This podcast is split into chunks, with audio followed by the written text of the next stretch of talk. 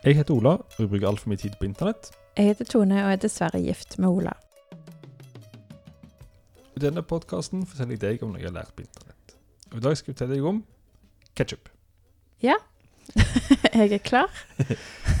Ketsjup dukte først opp på markedet på 1800-tallet, men med litt andre ingredienser enn det som vi er vant til i dag. Oh, ja. Da var det en tyntflytende saus som var lagd av gresskar, primært, men òg epleskrotter og noen ødelagte tomater og maisstivelse. ja. Eh, det ble sett på som en veldig sånn urein mat, og noe man helst skulle unngå, inntil eh, århundreskiftet kom, da man begynte å putte kjemikalier oppi eh, for å forsinke forråtningsprosessen. På den tida var ikke matindustrien regulert på noe som helst vis, så folk kunne gjøre egentlig hva de ville. Og Da var det en fyr som heter Harvey Wiley, som jobbet på Jordbruksdepartementet i USA. Han var kjempeopptatt av matsikkerhet.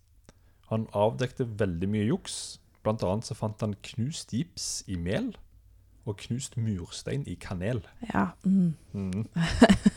og ikke minst disse kjemikaliene som de annet putta i ketsjup som preserveringsmiddel, var ofte formaldehyde og borax, ja. som er kjempegiftige. Flotte greier å ha i mat. Så de funker utrolig bra som eh, preserveringsmiddel, men Mm. de skal jo ikke inn i en menneskekropp.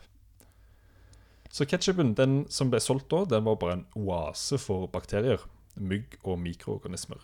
Og Det ble solgt i farga glass, så du ikke kunne se hva som var inni, Mm.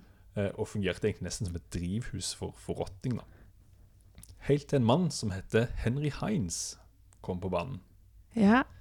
For han var en real og bra mann som bare ville lage god mat. Eh, Så han revolusjonerte hele industrien med å selge ketsjup i blanke glassflasker, sånn at du kunne se den reelle fargen, og om det vel levde noe inni. Vi var der, liksom. Eh, ja. Han ga alltid pengene tilbake dersom det ikke smakte godt. Han hadde åpen fabrikk, så folk kunne komme og se hvor rent og fint det var. Og betalte arbeiderne sine en rettferdig og god lønn. Er Heinz Mr. Ketchup? Han er Mr. Ketchup. Ja. For da resten av matindustrien gjorde alt de kunne for å forhindre at det skulle komme reguleringer, så jobbet Heinz for det. Ja. Så sammen med han Wiley fra Jordbruksdepartementet eh, så jobbet de veldig tett sammen i mange år for å sikre at folk ikke skulle bli syke av mat. Og Han satte i gang et prosjekt som eh, på den tida, som da tidlig 1900-tallet, var fullstendig galskap. Han ville lage en god ketsjup uten kjemikalier. Mm. Og i den jakten der eh, så gikk ketsjup fra å være en tyntflytende saus av veldig mye rart oppi, til å bli en tyktflytende saus med nesten bare tomater. Og han klarte da å lage en ketsjup uten kjemikalier, som da ble bedre enn det det var før. Og det er det som er ketsjup som vi har i dag. ja. Hva brukte de egentlig denne ketsjupen til før? Som, som vi gjør nå. sånn som vi gjør nå? Mm. Sjøl tynt? Mm. Ja. OK. Så dette imponerte Jordbruksdepartementet, og i 1906 så kom den første loven da, som regulerte matproduksjon. Og det var takket være Henry Heinz, som er Heinz ketchup. Ja, oi. Eh, hans ketchup da, det ble standarden for matsikkerhet og kvalitet, og det er hans ketchup som vi kan kjøpe den dag i dag, helt uten kjemikalier. Det er ikke det i Heinz For er de, har de andre ketchupene kjemikalier?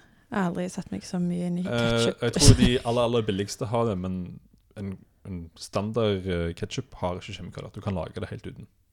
ja, det kan man gjøre, men de fleste har jo et eller annet som gjør at det hold, den holdbarhets... eh, Ja, Hvis det er riktig blandingsforhold, så holder det veldig lenge. ja, uten. Okay. Vi kan takke Heinz da, for å ha funnet opp ikke bare ketchupen, som vi kjenner den i dag, men òg matsikkerhet. da. Ja, hurra for det. Ja, Det fortjener jo et flagg. Og det er fortsatt hans øh, Hva heter det? Barn og barnebarn og barnebarnebarn. Det er ikke forfedre, men andre veien. Hva heter det da? Øh, øh, det er en familiebedrift, er det det du skal fram til? Ja. Famili familien Heinz det er fortsatt de som driver Heinz ketchup den dag i dag. Ja. Det er bra folk. Kult.